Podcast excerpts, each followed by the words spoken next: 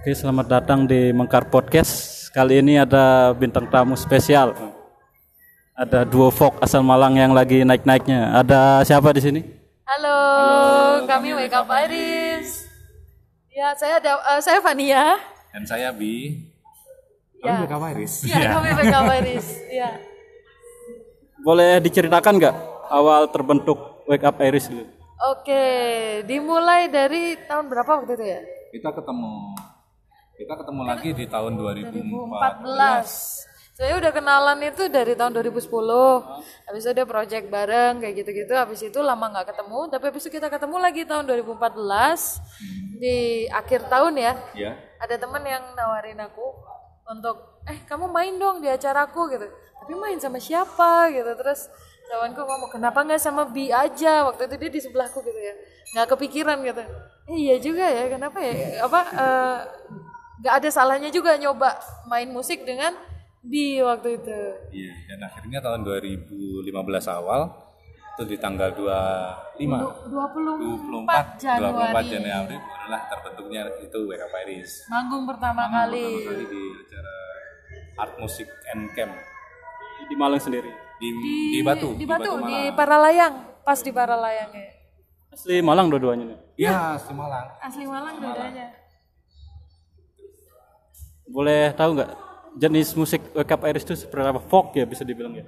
Em, semenjak lahirnya WK Iris itu ya di awal eh, 2015 itu kami nggak pernah memaksakan untuk mengikuti musik mana pun.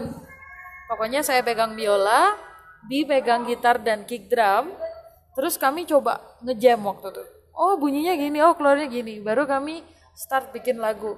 Dan itu di luar kami akan menganggap lagu itu jadi folk, pop, atau apa. Kami ngalir aja gitu. Tapi pendengar rupanya memberikan mende- memberikan tanggapan, memberikan respon bahwa musik kami adalah musik folk. Tapi yang jelas kita musiknya adalah musik untuk menyampaikan apa yang ada dalam diri kita aja untuk berbagi. Nah, musik berbagi. Musik bahagia. musik bahagia. Jadi bebas pendengar aja ya. Iya, terserah mau dibilang apa. Bilang metal juga nggak apa-apa. Lagi total. Iya, itu. Mungkin suka duka di Wake Up Iris seperti apa? Oh, banyak ya, banyak ya. Karena belajar gini ya, kita nyadarin bahwa jadi musisi eh, untuk kita banyak teman-teman juga pendengar mungkin yang juga tahu eh, agak susah dan ditentang sama keluarga atau orang tua atau kakak gitu kan. Itu termasuk yang hal yang eh, dukanya gitu ya. Bahwa pada awal-awal tahun itu awal-awal tahun WK Iris ada saya sendiri masih masih berjuang untuk eh, bermusik di keluarga itu masih nggak diterima gitu loh. Kenapa sih kamu bermusik? Kenapa kamu nggak kerja ini aja, kerja itu aja atau apa? Tapi mulai menunjukkan eh, apa ya? Tetap tekun, tetap tutup kuping sama perkataan itu. Akhirnya eh, ada jalan keluar gitu. Akhirnya mereka sendiri mulai menerima prestasi yang kami buat mulai oh ya musik itu rupanya nggak cuma gonjreng-gonjreng tapi juga ada apa em, apa ya positif side-nya yang mereka juga lihat sehingga perjuangan selama dua setengah tahun ngomong bahwa eh aku mau tetap bermusik itu eh, nggak sia-sia kayak gitu Kalau kalau ini sukanya apa dukanya? Kebanyakan kalau dilihat dari sudut pandang saya sih banyak sukanya ya. Karena ternyata ternyata gini apa namanya bermain musik menjadi kita eh, bisa menambah relasi kita ke bahkan punya yang banyak temen Oh, banyak teman, teman di Malang ya, terutama di di skena Malang.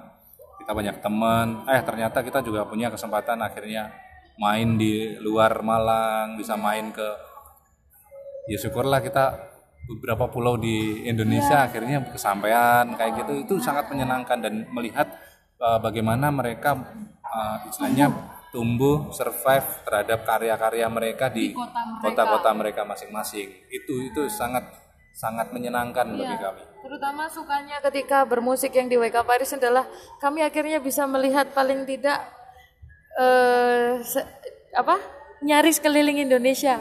Masih masih banyak kota-kota yang belum kita sambangin pasti. Tapi akhirnya bisa ngerasain makan apa namanya eh, khasnya ya. makanan khasnya kayak makanan eh, kita waktu yang seneng banget pertama kali itu ke Makassar ya. Iya. bener-bener makan palu basah dan coto Makassar di Makassar kayak gitu-gitu. habis itu makan kue tiaw Medan di Medan gitu kan ya. Terus macam-macam banget di apa ada nasi kuning ya di Kalimantan di mana itu. Jadi benar-benar makanan semua iya. Nah di situ yang menurut kami eh, setelah manggung setelah manggung yang paling menyenangkan adalah kita hunting makan di situ tuh seneng banget ketemu teman-teman. Kadang-kadang kan dari kota-kota tersebut sampai malam mereka nongkrong sampai malam kita bisa ngobrol. Bagaimana ya itu yang seperti dibilangin bi.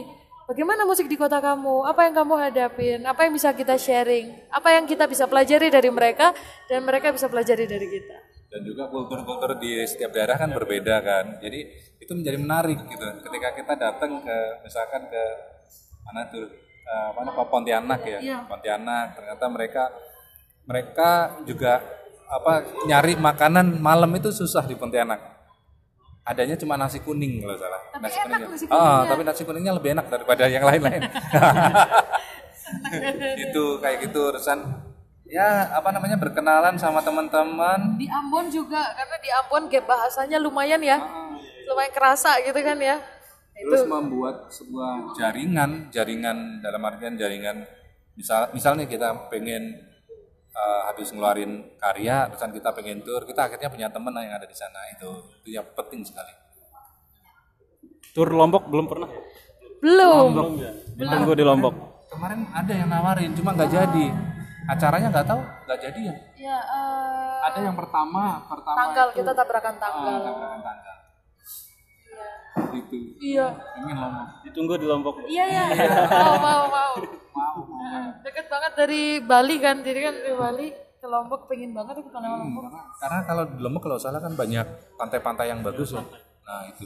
Sama Gunung Rinjani. Bener ya? Sebelum di Wake Up Iris, apakah dulu pernah ngeband juga? oh iya. Heeh. dia dulu yang cerita. Oh iya, saya saya be, eh, saya duo juga dulu. Jadi duo juga eh, formatnya duo akustik pegang pegang masih tetap gitar. Kalau sekarang kan lebih multi instrumen kayak ada kick drum. Terus kalau dulu cuma gitar gitar aja gitu, gitar aja. Cuma jalan berapa lama tuh? Mulai 2010, oh 2010 sampai anu cuma jalan tiga tahun akhirnya buyar buyar dan eh, setelah setelah itu tapi sebelum itu saya juga bermusik punya band band festivalan gitu. Jadi main festival nyari festival di mana Eh, masih masih anu ya masih apa namanya mahasiswa. Jadi cari cari cari gitu. Sempat masuk eh, ke mana ada festival di Brawijaya festival lumayan eh, apa namanya tingkat Jawa Timur. Itu masuk ke situ dan ya begitulah. Kalau dia lebih ke musik yang apa genrenya itu lebih ke agak variatif sih ah, variatif Jadi ingatan pertama aku ngeband adalah satu SMP. Wah, satu SMP awalnya disodorinnya keyboard bukan biola karena baru belajar biola juga. Baru sekitar dua tahun kemudian aku berani bawa biola. Sebenarnya pertanya- eh, alasannya sepele ya kenapa kok waktu aku ngeband awal itu nggak megang biola karena nggak ada pelatih band di sekolah yang di, yang menguasai biola. Aku nggak bisa ngajar kamu nggak bisa gini gitu ya. Sampai akhirnya aku nekat uh, kelas 3 itu masih tetap ngeband kan di band yang sama. Ya udahlah nggak ada yang bisa ngajarin aku. Aku belajar sendiri. Udah yang lain main keyboard main bass main gitar. Aku coba masuk main uh, biola. Dan di situlah pertama kali experienceku keluar dari musik klasik dan belajar musik-musik yang yang tanpa partitur gitu kan So SMA juga main dan itu aku tetap pegang biola, kadang-kadang keyboard. Habis itu kuliah karena kuliahku nggak punya nggak punya apa ruang band. Kita bikin apa? Aku sering bikin acara. Jadi bukan ini jadi bikin acara yang supaya kita bisa main musik gitu ya termasuk Iya. Kampus mana itu kalau betul Mbak? Wah ada satu kampus di Malang. Kampus swasta. Ya dari situ ya sampai sekarang belum ada belum ada apa ruangannya. Mungkin suatu saat kalau mereka terinspirasi dari aku mereka bikin gitu. Ya terus selain ngeband aku juga kayak kamu saya yang ngomong itu dia kayak band tapi Eh, isinya alat gesek semua, biola tiga, cello satu, viola satu, kayak gitu-gitu. Itu lumayan bertahan lama, sekitar itu lima tahunan, karena itu yang megang eh, teman-teman biola gitu kan. Habis itu sama sebelum WK Pairis ini Muni sore, dulu aku bikin Muni sore, kegiatan apa ya eh, mingguan untuk bermain tapi bukan ngamen. Ya udah bermain musik aja di situ kalau misalnya gitar puisi biola nari itu di taman kota Dalam Wake Up Iris siapa aja yang pencipta lagunya nih lebih dominan? Semua ya. Semua ya. Kita berdua ya. Tapi sa- selalu lempar-lemparan eh, ketika saya bikin nada atau saya bikin kata, kita lempar ke eh, saya lempar ke Vania, Vanianya nanti bikin kata, dia dilempar ke saya, di sana habis itu ya ya gitu lempar-lempar lempar-lempar akhirnya sampai jadi sebuah materi gitu. Ini ada yang dominan ya. bareng-bareng Hmm, bareng-bareng semua. Ada ritual khusus enggak gitu? Sebelum buat lagu siapa tahu liburan dulu atau gimana? Naik gunung.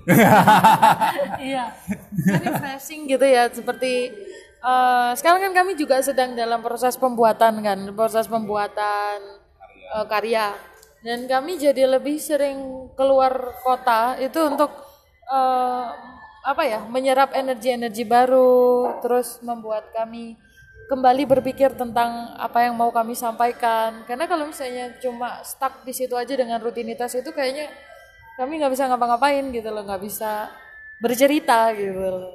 Iya, tapi apa kita lebih ke arah alam ya.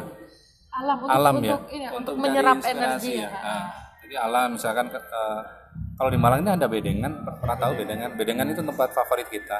Kita kadang kalau misalkan suntuk kita ke sana untuk ngerasain kan di situ ada hutan sama sungai. Jadi diem di situ menghirup udara udara segar sambil dengerin suara sungai sambil itu menyenangkan sekali. Itu. Kemahan ya, perkemahan bedengan. bedengan. Terus ke gunung gunung. iya jadi sedang tuh kan kangen gunung lagi. iya. Ya abis ini berangkat naik gunung yuk ya. Gunung banyak. gunung banyak deket banget ya. Iya. ya gitu sih ya lebih kayak seperti itu Bagaimana menempatkan musik dalam kehidupan? Wah, itu fundamental sekali ya. Menempatkan musik dalam kehidupan kita. Sebenarnya apa kita tidak menempatkan musik ke dalam kehidupan kita, tapi kehidupan kita selalu ber, diwarnai sama musik gitu loh. Iya, dia sudah di dalam musik Oh, oh, sendiri. kita musikal ya, setiap eh, misalkan kita menghirup udara rasanya musikal. Kita jalan di kecuali kalau misalnya ada apa motor knalpotnya brong gitu nggak musikal itu satu nada soalnya Iya, terus kadang-kala aku mengamati kayak kemarin kan sudah sempat hujan tuh, sudah sempat hujan beberapa saat. Terus aku dengar tetesan hujan yang ke genteng tek tek tek gitu. Tiba-tiba muncul aja nada-nada yang walaupun nggak tahu itu jadi nada apa enggak. Tapi itu jadi musikal, dia jadi beat, dia jadi apa. Jadi menurut aku musik itu udah sangat kayak melekat gitu loh, jadi satu gitu. Dan bahkan di kesunyian pun kita akhirnya bisa mendengar kayak nada itu berseliweran gitu loh. Kadang-kala mimpi pun mimpi bikin musik terus bangun-bangun lupa sih. Tapi udah se- se- sedekat itu ya, sedekat itu. suara burung suara alam lah suara alam semuanya kayak kayak ada nadanya gitu kalau di telinga kita Suara angin, suara apa kayak orang ngobrol gitu jadi noise yang menarik juga ya. Kayak gitu-gitu. Boleh di-share nggak pengalaman Asian Tour 2000 berapa kemarin? 2018. 18 ya. Berapa titik itu? itu kita eh, di Korea Dua dapat negara. berapa dua negara ya Nah, Korea terus heeh, di Korea sama Korea Selatan sama di Malaysia di Malaysia. Nah, kebetulan di Malaysia itu ada du- tiga, tiga kota, tiga kota. Kalau di Korea berapa titik kita dapat panggung? Empat Kita dapat tempat titik Harusnya lima, satu satu di cancel tuh. gara-gara cuaca. Gara-gara cuaca. Tapi tiket tuh dibeliin. Typhoon, Iya. typhoon. jadi jadi eh, di Korea kami da- eh, manggung di festival. Di festival itu sendiri dapat dua panggung, yaitu panggung pembuka sama panggung showcase. Beruntung banget sih waktu itu karena eh, jadi panggung pembuka itu pas orang-orangnya pas datang semua di situ. Terus kami di luar itu ada dua dua gigs lagi di luar itu sama ya itu eh, pulau pulau Jeju ya harusnya ya. Jeju Island Itu yang di cancel gara-gara cuaca. Padahal ya, padahal hari hanya itu cuacanya bagus banget.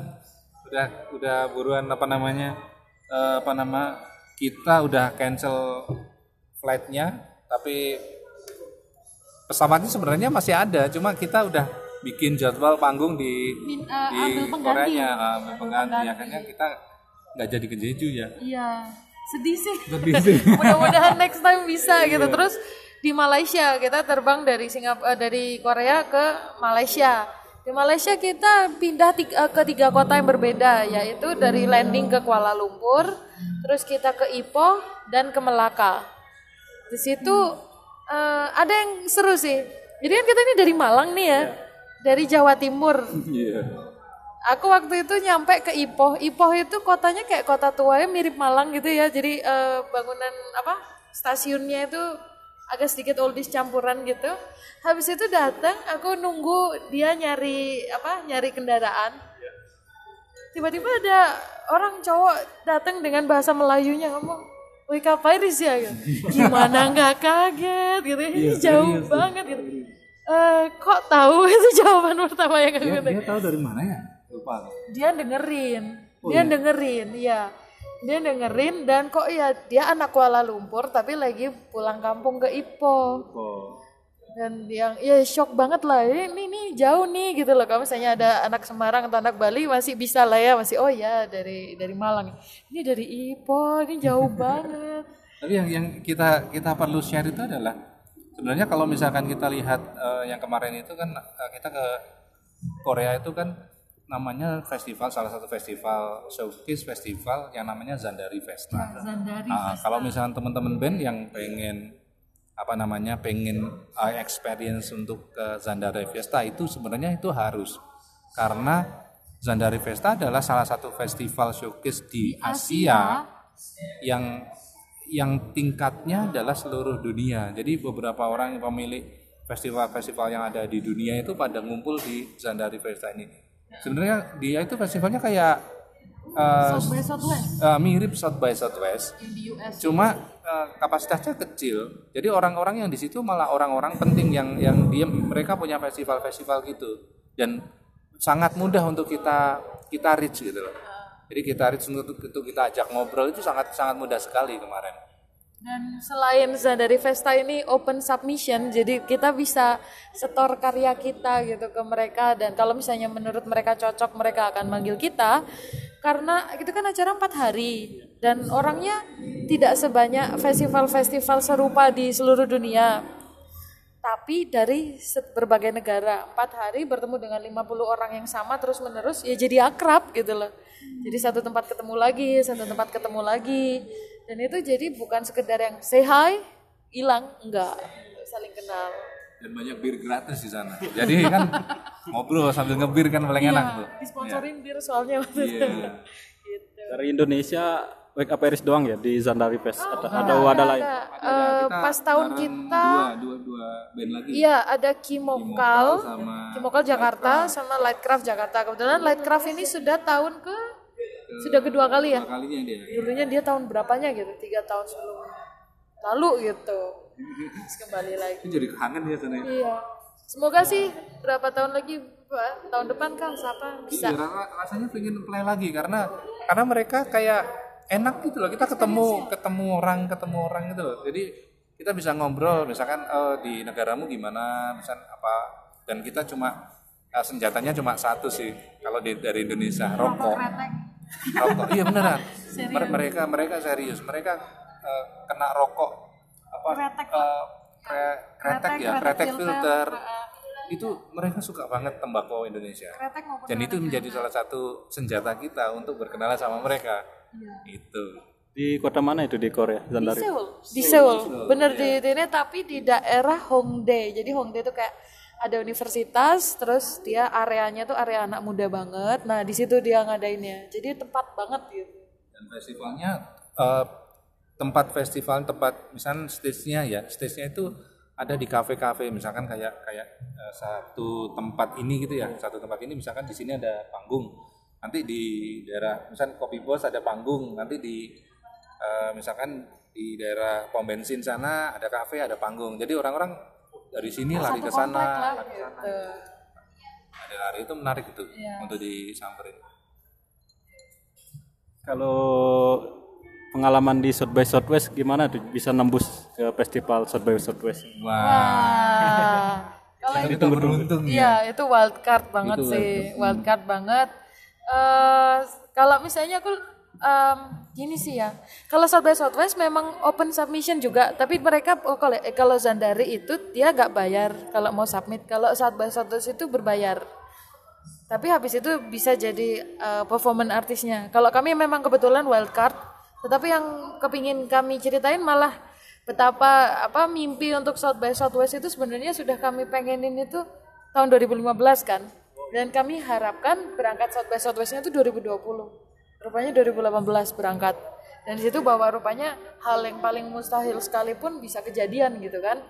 Terus eh, yang kami dapat juga luar biasa ya. luar biasa sih soalnya perjalanannya perjalanannya bukan hanya kita ke South by Southwest tapi kita kan emang uh, kita submit ke sebuah brand Nah, sebuah sebuah acara lah. sebuah acara terusan habis itu dari situ jadi pemenangnya dan kita berkenalan be- banyak banget sama orang-orang yang uh, mereka sangat talented di bidangnya kayak kayak siapa Om Leo Terus alenya Ale- di Adams. di Adams. Iya. Yus. Terus orang-orang seperti itu lah, Mas Barto, Iya. orang-orang perupa, orang-orang musik, orang-orang apa kita akhirnya eh, kenal sama mereka. Mal- malah perjalanan ke arah sananya itu yang menarik. Jadi kita bisa kenal sama orang-orang itu, orang-orang hebat, orang-orang yang yang selama ini kita eh, mikir wah ini kayaknya susah untuk untuk kenal sama mereka sih kalau misalnya kita nggak nggak mereka nggak tahu kita ini siapa gitu. Kalau misalnya ternyata dengan portal ini menjadi lebih gampang dan di South by waduh parah parah. Soalnya eh, di South by kami nggak cuma main musik, tapi kami ikut konferensinya dan konferensi itu dari yang waktu itu yang seru itu ada yang soal eh, digital ya, digital music. Bagaimana eh, beberapa musisi Korea itu sudah mulai menciptakan teman untuk si musisi, baik entah untuk bikin atau untuk apa kayak gitu-gitu. Habis itu apa lagi tuh? Soal musik tuh? film. Tentang film. Filmnya di situ banyak premier yang di situ. Terus gadget. gadget kalau yang musik lagi yang seru tuh yang dari ini musisi Lucy Rose ya. Ya. Dia dari UK dan kami juga sebenarnya tidak menyadari bahwa dia akan menjadi salah satu pembicara. Dia akan main kami tahu dan kami akan nonton rupanya jadi pembicara dan pembicaranya itu soal fans ya. Ya fans. Maintain maintaining fans. jadi gitu jadi mereka tuh eh, apa namanya em, ngomonginnya tuh dari hulu ke hilir. Bagaimana kamu menjadi musisinya bagaimana kamu kenalan dengan eh, industrinya bagaimana belajar apa ya maintainingnya. Karena tercipta mudah. Maintainingnya itu PR kayak gitu-gitu loh. Bagaimana reach out bagaimana digital music sampai ada yang dari CBGB ya? CBGB New York.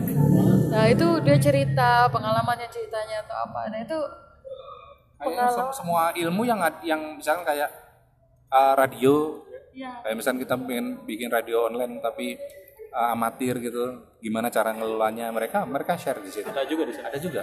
Jadi mereka share semua ilmu apa tentang industri industri kreatif di seluruh dunia gitu nah itu makanya apa South by Southwest menjadi salah satu uh, festival yang wajib dikunjungi sebelum mati. Iya iya. Beneran beneran. Ayo tapi wajib wajib karena kita akan mind blowing jadi kita akan akan bener-bener pikiran terbuka uh ternyata sekarang ini gini gini gini gitu. Ya kita pulang langsung rasanya aduh kita banyak PR banyak PR ya, banyak, banyak PR bikin apa Iya, bikin apa sampai bikin sekarang pun PR-nya belum selesai sih ya masih proses ya iya gitu Dari Indonesia siapa aja tuh? waktu itu kita lagi 2018 ya? Iya, 2018 lagi kebarengan sama efek rumah kaca dan bareng Kimokal. Iya. apa. sama yang pertama kali Iya. Terus ya efek rumah kaca main sehari sebelum kita, jadi kita barengin. Habis itu besoknya kita yang main. Beda panggung itu tiga-tiga. Oh, beda beda tempat. Beda tempat. Tapi kita sama Kimokal sama ya? Kita sama Kimokal sama. Kebetulan kita mainnya mainnya kan collab sama Kimokal kan Iya. ya. Jadi kita collab eh, jadi nggak belum belum yang ceritanya dapat panggung sendiri gitu di, Ya, di makanya South by Southwest masih PR. Tapi paling nggak sudah ngelihat suasananya gimana gitu ya. sananya menyenangkan sekali. Menyenangkan sekali. Tapi eh, biaya hidupnya mahal sekali. Iya, sangat udah. Berapa hari itu South by Southwest gelaran? Tas Gelarannya kalau total 10 hari. 10 hari. 10 hari. 10 hari. Kita sekitar dua hari. Eh, satu satu setengah hari lah, satu setengah hari. Karena flat ya. Iya, karena flight kita dapatnya eh, setelah. Itu aduh. Bener keren keren. By Southwest sendiri pure festival musik atau ada art-art gitu, Mas? Semuanya. Jadi yang berhubungan dengan in- industri kreatif semuanya ada kayak tumplek-tumplek di situ. Jadi ada kalau misalkan eh, ada satu sesi misalkan tentang musik tentang musik gitu ya satu hall satu hall gedenya sekitar berapa ya paling eh, se Geraha Cakrawala ah, segede itu mungkin kurang kurang gede dikit itu diisi tentang musik gitu. Misal mu- mulai dari rilisan bentuk vinil vinil kita bahkan baru tahu kalau ada vinil vinil itu yang bentuknya itu kayak Mika tapi kayak mika kotak itu. Jadi bentuknya kayak kayak mika tapi lemes gitu loh. Ya mungkin nggak tahan lama, tapi itu kan tetap tetap arsip itu, ya. itu, itu dibagikan secara percuma. Kita ada kok apa koleksi barangnya itu di rumah kita Cuma kumpulin. turntable doang yang nggak ada ya. iya. Itu beda berarti ya turntable-nya itu? Untuk sebenarnya sama, cuma mungkin bedanya kalau misalnya yang asli, yang apa piringan hitam yang asli dia kan lebih tebel. Dan pastinya lebih tahan lama. Sedangkan kalau misalnya tipis itu paling berapa kali puter juga sudah bolong gitu kali ya.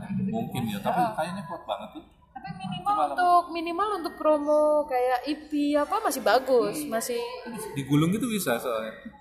Jadi lemes lemes itu digulung aku ya baru tahu terusan eh, terus ada kita berkesempatan ada orang yang jual alat alat buat mencetak vinil tapi secara secara dia ngeprint gitu ngeprint di bidang apa kayak kayak vinil gitu. Di print dan kita apa namanya kan katanya oh boleh nih satu lagu dibikinin tapi asal harus direkam direkam terusan di di share di Instagram kita gitu. Ah, gitu akhirnya eh, dengan gitu akhirnya kita bikin. Kita share gitu. akhirnya kita punya satu vinyl vinyl lagu Neveli Bata. Bata. Eh, itu satu satu vinyl gitu kita punya gara-gara itu. Tinggal nunggu fullnya ya. iya. Mau cerita. Backline kan di tempat kita ini kan apa berdirinya dari keluarga backup Iris. Iya, iya. Iya, iya. Iya, iya, iya. Apakah bisa terin backline juga termasuk terinspirasi dari festival South by Southwest gitu menyediakan ruang kreatif? Ah, kalau inspirasi ya? Kalau backline, backline itu adalah awalnya eh, sebenarnya dari dulu kami berdua pengen yang namanya kita punya space untuk di mana space ini bisa difungsikan untuk teman-teman unjuk karya di situ. Karena kita bidangnya di musik, kita pengen bikin eh, stage di situ. Ya tempat itu itu eh, impian kita mulai tahun sekitar awal-awal kita terbentuk karena kita merasakan yang namanya tour kita sempat tour uh, showcase uh, apa namanya single ya bukan bukan iya, iya. single Prelude ya? prelude itu Jadi belum punya album pertama kali belum punya album kita terus pertama kali kepingin sekalian memperkenalkan diri gitu ke teman-teman. Iya kita tahu bahwa betapa susahnya cari tempat.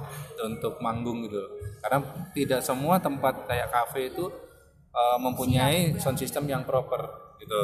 Satu terusan sempat ditawarin ketika mau bikin acara mau bikin uh, tampilan showcase harus sewa sound system seharga sekian gitu. Kan itu sebenarnya untuk untuk, band yang awal-awal itu sebenarnya berat sekali. Karena kita harus mengeluarkan misalnya gojek lima ratus ribu gitu. Tapi 500 ribu itu sebenarnya kalau buat hidup kita selama tur kan bisa buat nginep buat makan buat apa itu. Tapi kalau misalkan 500 itu kita jadiin sound system kan rasanya kayak eh, gimana? gitu. Makanya kita ngerasa wah kayaknya kita harus punya tempat yang sound systemnya udah udah siap gitu. Dan ini eh, sebuah tempat yang bisa menjadi ruang tamu kita menyambut teman-teman baik band-band di Malang bisa bareng-bareng apa ya me- mengkomporin supaya lebih banyak karya dan lebih banyak musisi gitu kan. Dan eh, ya itu teman-teman yang tur nggak bingung nyari tempat terus bisa sharing karyanya dengan ya walaupun sederhana tapi baik gitu loh. Setnya baik gitu. Untunglah untunglah backline jadinya seperti ini dan tempatnya juga bisa menjadi tempat eh, untuk eh, salah satu sasaran tur di Malang gitu. Kita terbuka banget untuk teman-teman yang dari mana pun untuk tur di Malang tinggal calling ke kita nanti kita eh, jadwalin atau bikin acara gimana gimana baru kita membantu teman-teman juga sih sebenarnya Apa backline hanya untuk teman-teman yang tour doang atau promosi lagu-lagu doang? Kemarin kan soalnya kita lihat ada komunitas tuli mendongeng gitu-gitu ya. Iya. Jadi kalau di backline sendiri, kami kan memang kepinginnya menampung semuanya. Tapi memang itu butuh waktu dan butuh tenaga. Terus eh, pertama kali backline buka, kami malah buat eh, pameran ya, pameran visual. Dan masih sangat ingin untuk mencari visual artis yang kepingin pameran. Itu agak sulit untuk dicari. Jadi kami tetap ngomong ke teman-teman yang kira-kira kenal, punya kenalan atau lagi ngampus di jurusan seni. Ayo ayo eh, pameran gitu. Terus yang kedua kita juga sempat eh, workshop fotografi, talk show workshop fotografi. Itu baik dari digital fotografi sampai fotografi yang analog seperti itu. Kita eh, baru beberapa ya, tapi kami mau mencoba rutin. Terus yang pernah adalah movie screening sama talk show sama beberapa sutradara waktu itu dan itu hari Selasa libur tapi kami bukain karena pas dia lagi ada di situ gitu kan momen tidak bisa diulang ya kan ya udah akhirnya eh, screening dan ngobrol di situ. Sama apa lagi ya kita pernah ya? Nyablon pernah ngerajut pernah. Uh, kita pengen backline ini menjadi salah satu tempat opsi tempat ya. Menjadi opsi tempat teman-teman untuk unjuk apa pun sih. Kalau misalkan ini menjadi se- sebuah tempat bersama gitu untuk ketika kemarin ada ada komunitas tuli mendongeng kan kebetulan ada acara dari British, British Council, Council ya. ya kerjasama dengan British Ah, dan itu membutuhkan space dan ya kenapa enggak gitu loh itu juga juga ah, apa kita Kami seneng kami seneng banget ada kayak ada aktivasi seperti itu Jadi kalau misalnya teman-teman semua pengen pengen eh, apa menunjukin karyanya apa pun ngobrolin sama kita. Siapa tahu kita bisa bantu. Siapa tahu eh, backline bisa menjadi sesuatu eh, sejarah di timeline kalian berkarya gitu. Jika di Pamulang ada earhouse apakah termasuk terinspirasi dari earhouse juga? Pak? Earhouse itu salah satu ya. Karena kami pertama kali jalan itu kita bisa eh, bisa main di Earhouse langsung dibantu sama Kak Endahnya sendiri. Dia begitu humble dan begitu eh, helpful. Dan dari dia kami bisa main di Semarang juga. Nah itu yang yang membuat kami melihat bahwa dan ini Ruru ya, ya gudang Ruru, ya Ruru Radio kan dia mempunyai ekosistem. Wah itu itu ini eh, ke kami inspirasinya kena banget itu. Nah tempat-tempat kayak gitu, tempat-tempat bahwa mereka ingin meluangkan waktu, energi, bahkan finansial untuk menyediakan sebuah ruangan demi hidupnya dan variasi dan tumbuhnya karya-karya baru gitu. Untuk kami itu sesuatu yang harus kayak tongkat ekstafet ya. Kalau misalnya harus ada yang tutup satu, harus ada yang buka satu, ada yang tutup lagi, ada yang buka lagi dan buka terus buka terus makin banyak kayak gitu. Iya, Ruru Radio ya. Ruru Radio. Kita kita kepikiran dulu. Ya kalau sekarang ya kita pengen bikin kayak ekosistem. Pengennya. Ah, bikin kayak ekosistem tempat-tempat di mana berkumpulnya para para pekarya tempat nggak hanya di sini di- nggak tahu di mana tapi kita kita pengen pengen pengen bikin sebuah ekosistem gitu yang yang menjadikan akhirnya karya teman-teman bisa di ya disalurkan ya salurkan kalau bisa bisa belajar. belajar bareng yang paling seru di Ruru terakhir itu adalah yaitu eh, ada kelas yang tidak bisa didapatkan di kelas-kelas eh, kampus-kampus yang pada umumnya, iya. Nah di situ yang mereka menjadi iya, jadi kelas-kelas alternatif gitu seru banget gitu. Jadi hal-hal yang kita pertanyakan kita harus tahu di mana. Apalagi di Malang agak sedikit susah untuk mencari referensi dan kami ingin suatu saat bisa mengadakan itu. balik lagi ke perjalanan karir Wake Up Iris ya. Awal dulu langsung waktu manggung misalnya lagu sendiri atau cover dulu? Wah kalau pertama kali banget, Tebak, tebak ya, tebak ya, tebak. tebak-tebak. Lagu sendiri tuh. Wah, belum. kita cover waktu itu. Terus, Cover lagu apa itu? soalnya eh, ditawarinnya itu cuma tiga minggu sebelum ya tiga Iya, minggu tiga minggu. tiga minggu sebelum panggung itu mau bikin lagu gimana gitu. Iya, Bu. tiga minggu bikin lagu, wah hebat. Makanya aku apa ketika ngelihat orang ketika ada yang bisa bikin bikin lagu pada waktu itu juga itu waduh keren banget. Soalnya bikin lagu. belajar untuk itu Oh, bener. Waktu Tapi kita dulu cover. cover tiga, tiga bawa tiga lagu tiga tiganya cover. Cuma covernya milih gitu, covernya milih bukan yang langsung asal ngambil. Kami milih yang eh, cocok nggak? Pa- Jadi ada beberapa lagu yang kami nyanyikan dulu. Oh ini nggak cocok, nggak nggak diambil. Ini nggak cocok, nggak diambil. Dan akhirnya tiga lagu itu adalah adalah lagu dari Kisi Bashi. Kishibashi. Jadi dia multi instrumentalis dari Amerika. Eh, terus Sempat lagunya Mumford. Uh, Mumford Beardy, ha. itu sama lagunya yang You Are My Sunshine itu. Iya. Waduh. Momen itu Ya, karena semuanya pada singelong. Aku nggak tahu sih, ada kayaknya ya di YouTube kalau mau cari iya kayaknya art and music. Iya, tapi bukan kita pastinya yang ngevideoin, pasti ada yang yang datang ke acara itu waktu itu. Iya. Bisa dijadikan dokumenter Ferdinand Wake Up Iris itu. Iya, makanya. Nah itu tuh ngumpulin satu-satu itu Itu ya. itu momen penting soalnya. Pertama kali kita manggung, pertama kali format itu kita kita tunjukkan ke orang-orang itu.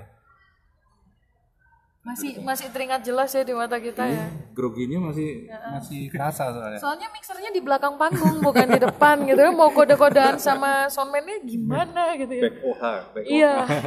Dia ada temen yang duduk di depan, yang berdiri di depan yang untuk fotoin ya. Dia yang kasih kode ke belakang. Yang belakang harus ngeliat dulu kayak gitu-gitu. Tapi pernah pernah dengar festival itu? Belum pernah sih. Tahun 2000 berapa itu? 2015. Oh, saya ke Malang di 2015 juga September. Oh ya belum berarti Januari. Oh, dia Januari. Iya. Itu itu festivalnya ada di kalau tahu Gunung Banyak Ya itu. itu di situ di atasnya itu sebelum sebelum itu direnovasi untuk menjadi tempat wisata. Ah, yang yang Bunga ya? kalau para layangnya ke kanan itu yang ke kiri, yang lurus itu. kiri. Ya, ya itu. Iya Bukit Bunga. Dulu Itu dulu kan di situ. tanahnya masih dibuka gitu. Di situ jadi kasih panggung, Semua. kan kasih camping-camping orang. Wih, keren itu. Udah berhenti acaranya. Udah enggak lagi. Ah itu Nah itu acaranya nggak ada lagi, nggak tahu. Teman-teman pena hitam yang bikin dulu. ah, teman-teman beda hitam. ah. Ada kangen sebenarnya acara acara seperti itu. Kan acara seperti itu emang uh, susah, susah mau mau dibikin lagi itu nggak tahu sekarang agak susah gitu, nggak tahu kenapa. Kalau ini deh, dasar banget nih. Influence musik dari Wake Up Iris sendiri. nih. Apa? Influence. Influence kami siapa ya? Bis- Bisa ditebak apa enggak? Kalau misalnya Kalau masing-masing Ah, masing-masing ya. Sebenarnya gini sih kalau apa? Ketika ketika saya dapat lagu yang kerasa gitu, nanti share ke Vania. Jadi Vania untuk dengerin juga jadi sama lagunya Vania yang kerasa gitu juga didengerin. Jadi influence kami akhirnya jadi jadi Beragam. beragam sih. Tapi kalau Tapi kami kami selalu kalau aku pribadi aku suka dengerin lagu-lagu yang yang yang anu yang sinematik. sinematik dan dan jarang didengar orang gitu. Misalkan yang band-band baru, band-band baru aku aku suka suka dengerin materi-materinya band-band baru. Gak tahu kenapa. Tapi selalu selalu mendapatkan sesuatu Fresh. eh, pembelajaran gitu loh ketika dengerin lag- lagunya lagu yang nggak pernah sama sekali nggak pernah saya dengerin sebelumnya. Kalau aku sendiri eh, nggak mempunyai musisi-musisi khusus yang um, referensi ya, menjadi apa influence ya. Tapi um, sering banget dengerin yang kayak inilah uh, musik-musik game yang orkestral, terus yang dia nyampur sama musik-musik uh, tradisional seluruh dunia kayak gitu-gitu. Untuk aku menarik banget soalnya menyampurkan apa ya? Uh, musik menurut kami musik adalah budaya dan mempelajari musik dari dari berbagai macam tempat itu ya mempelajari budaya dan bahasa mereka. Jadi menurut aku ya itu yang sering aku dengar uh, kalau lagi apa ya? Ya larinya ke sana lah kalau pengen dengar musik gitu. Nah hobi kita juga nonton film juga ya. Iya. Nonton film salah satu hobi kami. Terus dari film itu kami dengerin ketika ada soundtrack yang sekiranya catchy di telinga dan bagus kita cari. Kita cari terus kan kita dengerin apa materinya keseluruhan gitu seperti itu. Kemarin waktu main di mana ya dia Wake Up Iris? Saya bawa teman kan baru nonton Wake Up Iris. Ya? oh ini kok lagu Disney banget. Apakah Disney gitu Wake Up Iris? Disney. Disney. Yang mana ya lagunya kalau boleh tahu Oh rental, rent, rental, rental. Um, aku nggak tahu ya kalau saya dibilang Disney ya. Disney apa gara-gara itu ya gara-gara kita sering nonton film terus kan kita Iya. dengerin lagu-lagu film ada tapi ada ada satu eh ada dua lagu yang biasa kita cover itu lagu Disney emang Ya. ada ada ada Yang lagu dari filmnya Brave. Ah, Karena kebetulan suka banget lah sama sama apa ya value dari dari lagu tersebut gitu. Jadi ya kami bawakan dan ya. Eh, karena apa ya kami suka dengerin film yang jadi soundtrack musik. Siapa tahu itu akhirnya kedengaran salah satunya seperti Disney kayak gitu ya. ya lumayan Bu, ya Kalau siapa tahu kalau misalkan Disney no- apa dengerin podcast ini Ah, mau mau ini ya ya terus Iya, ada mau, translatornya mau, gitu. boleh boleh lah iya Iya. gitu. bagaimana perkembangan musik di Kota Malang menurut Mas Bi dan Mbak Fania sendiri untuk saat ini Seru banget, seru banget. Kita eh, jadi selama empat tahun ini kita bermusik yang benar-benar di jalur ini nih kita memang sangat mengamati dan setiap keluar kota pasti ditanyain gitu kan. Tetapi karena ada backline itu menjadi sebuah apa ya? Jadi sangat nyata di depan mata kita gitu loh. Jadinya sangat merasa apa ya ketika kita misalnya ada anak tour nih, terus eh, ada band tour, kita harus nyari band yang bisa mendampingi mereka. Otomatis kita akan mencari band-band baru yang belum pernah main. Sebisa mungkin yang belum pernah main di backline. Terus kita dengerin lagunya, kita ajak main dari yang pertama cuma denger MP3-nya, habis itu kita denger live-nya. Dan itu seru banget. Nada-nada baru ya. Tapi yang jelas eh, Malang ini band-bandnya beragam sih, beragam. Terus eh, yang keras banyak, yang soft juga banyak gitu. Jadi nggak bisa ditebak sebenarnya eh, Malang itu eh, lebih condong ke genre apa gitu, nggak karena masih banyak banyak banget Variatif. variatif banget. proyek-proyek selanjutnya untuk Iris sendiri apa ini proyek apa yang mau digarap Wah. ada sedikit Kita- bocoran Kita, kita bikin apartemen ya di depan. bikin perumahan, ada kolam renangnya gitu ya. Em, kami masih eh, sedang menggodok materi-materi yang untuk eh, terbaru, sedang bereksperimen dengan eh, set kami sendiri, sedang menggali lagi. Terus apa lagi ya? Terus sebenarnya ya kami pengen bikin eh, ya nih backline ini menjadi salah satu concern kita untuk bikin eh, apa namanya pengarsipan dari dari apa yang ada di backline tersebut. Jadi misalnya kayak video, video udah mulai kita upload, video-video live di sini, terusan eh, pengennya kita pengen upload juga konten-konten yang ada di dalam sini. Itu menjadi concern kita ya. Dan mungkin eh, ya kalau misalnya di ah yang yang paling deket ini itu apa mixtape Ya, jadi em, apa backline yaitu kami dan satu teman lagi itu akan mengkurasi band-band yang pernah main di sini untuk dijadikan satu di kaset, di mixtape dan disebarin ke gratis ke seluruh Indonesia. Gitu. itu bandnya Malang sendiri atau se Indonesia sendiri? Yang Malang aja, yang Malang, aja. Siapa tahu uh, uh, mixtape yang ini ya, backline. Hmm. Uh, siapa tahu nanti kalau misalnya tahun depan eh jadi ada trigger gitu loh. Eh ayo ayo dong bikin band. Karena ini ada ruang loh. Ini ada eh bar kita jalan bareng untuk eh, gedein musik di Malang kayak gitu. Apalagi? Apa ya? Kepingin sebenarnya udah kepingin tour dari kemarin sih. Tapi kalau misalnya kalau misalnya goal sih tahun depan sih kepingin jalan lagi sih. Tur ya. Tur. Ah. Rencana berapa kota ini? Nah itu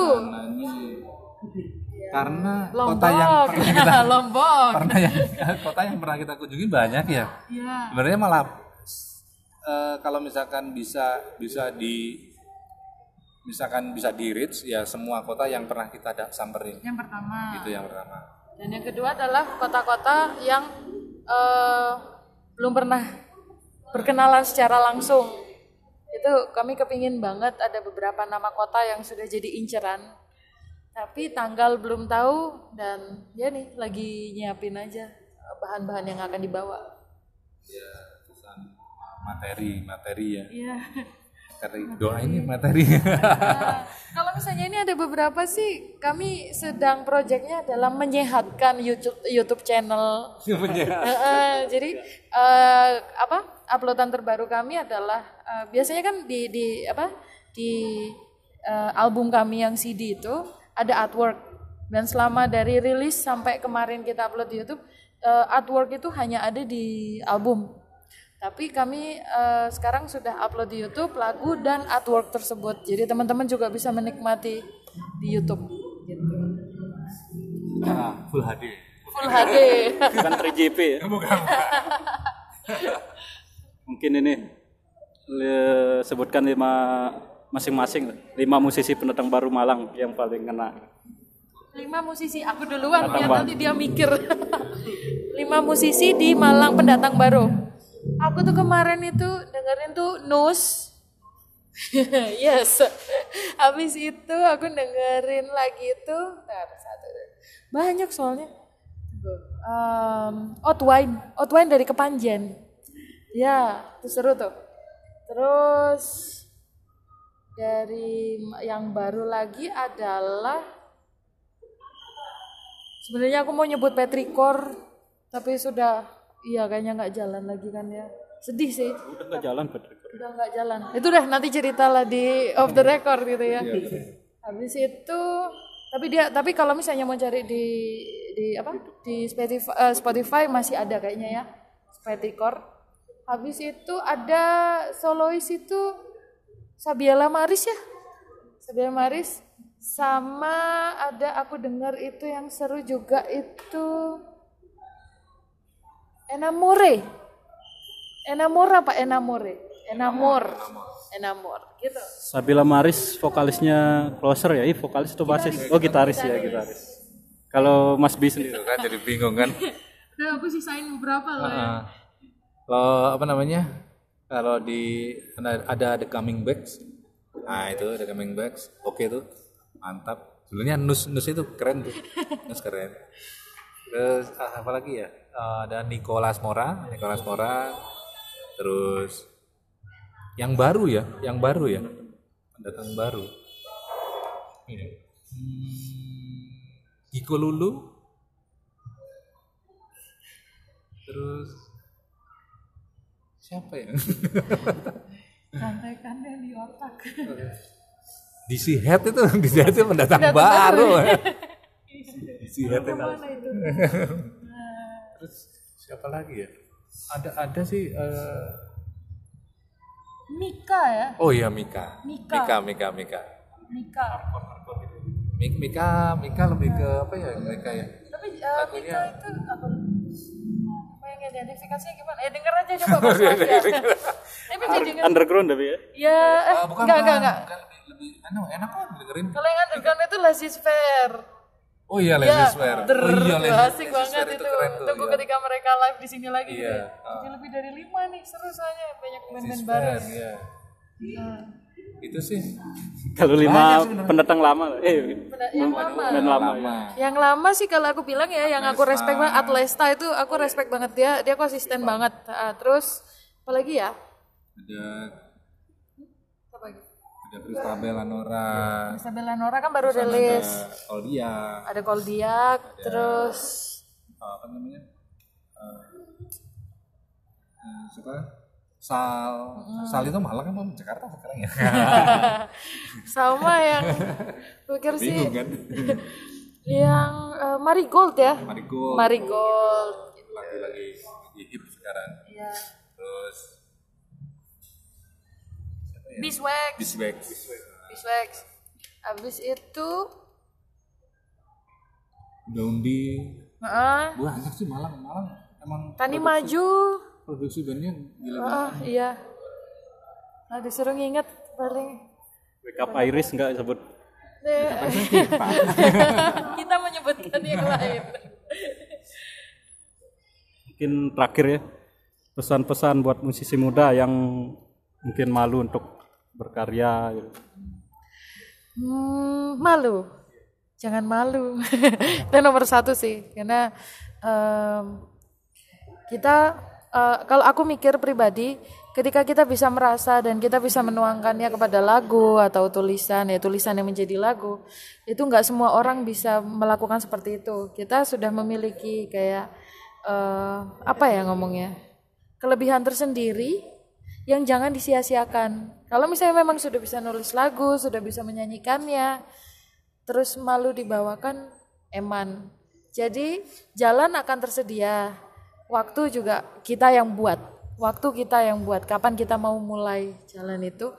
Terus eh, aku yakin kita akan menemu, menemukan patternnya dan kita bisa lebih apa ya kalau bilang jujur sama diri sendiri dan berani untuk dan itu menyembuhkan banyak orang dengan lagu kita bisa menyembuhkan banyak orang itu sih kalau pesannya apa buat yang malu Ya, masa malu Oh, kurang pede. Kurang pede. Itu juga malu. Itu sebenarnya sebenarnya jangan jangan malu dan jangan kurang pede sih. Karena karya kalau misalnya bis- bisa bikin karya itu sebenarnya udah udah hebat loh. Nggak semua orang bisa bikin karya loh.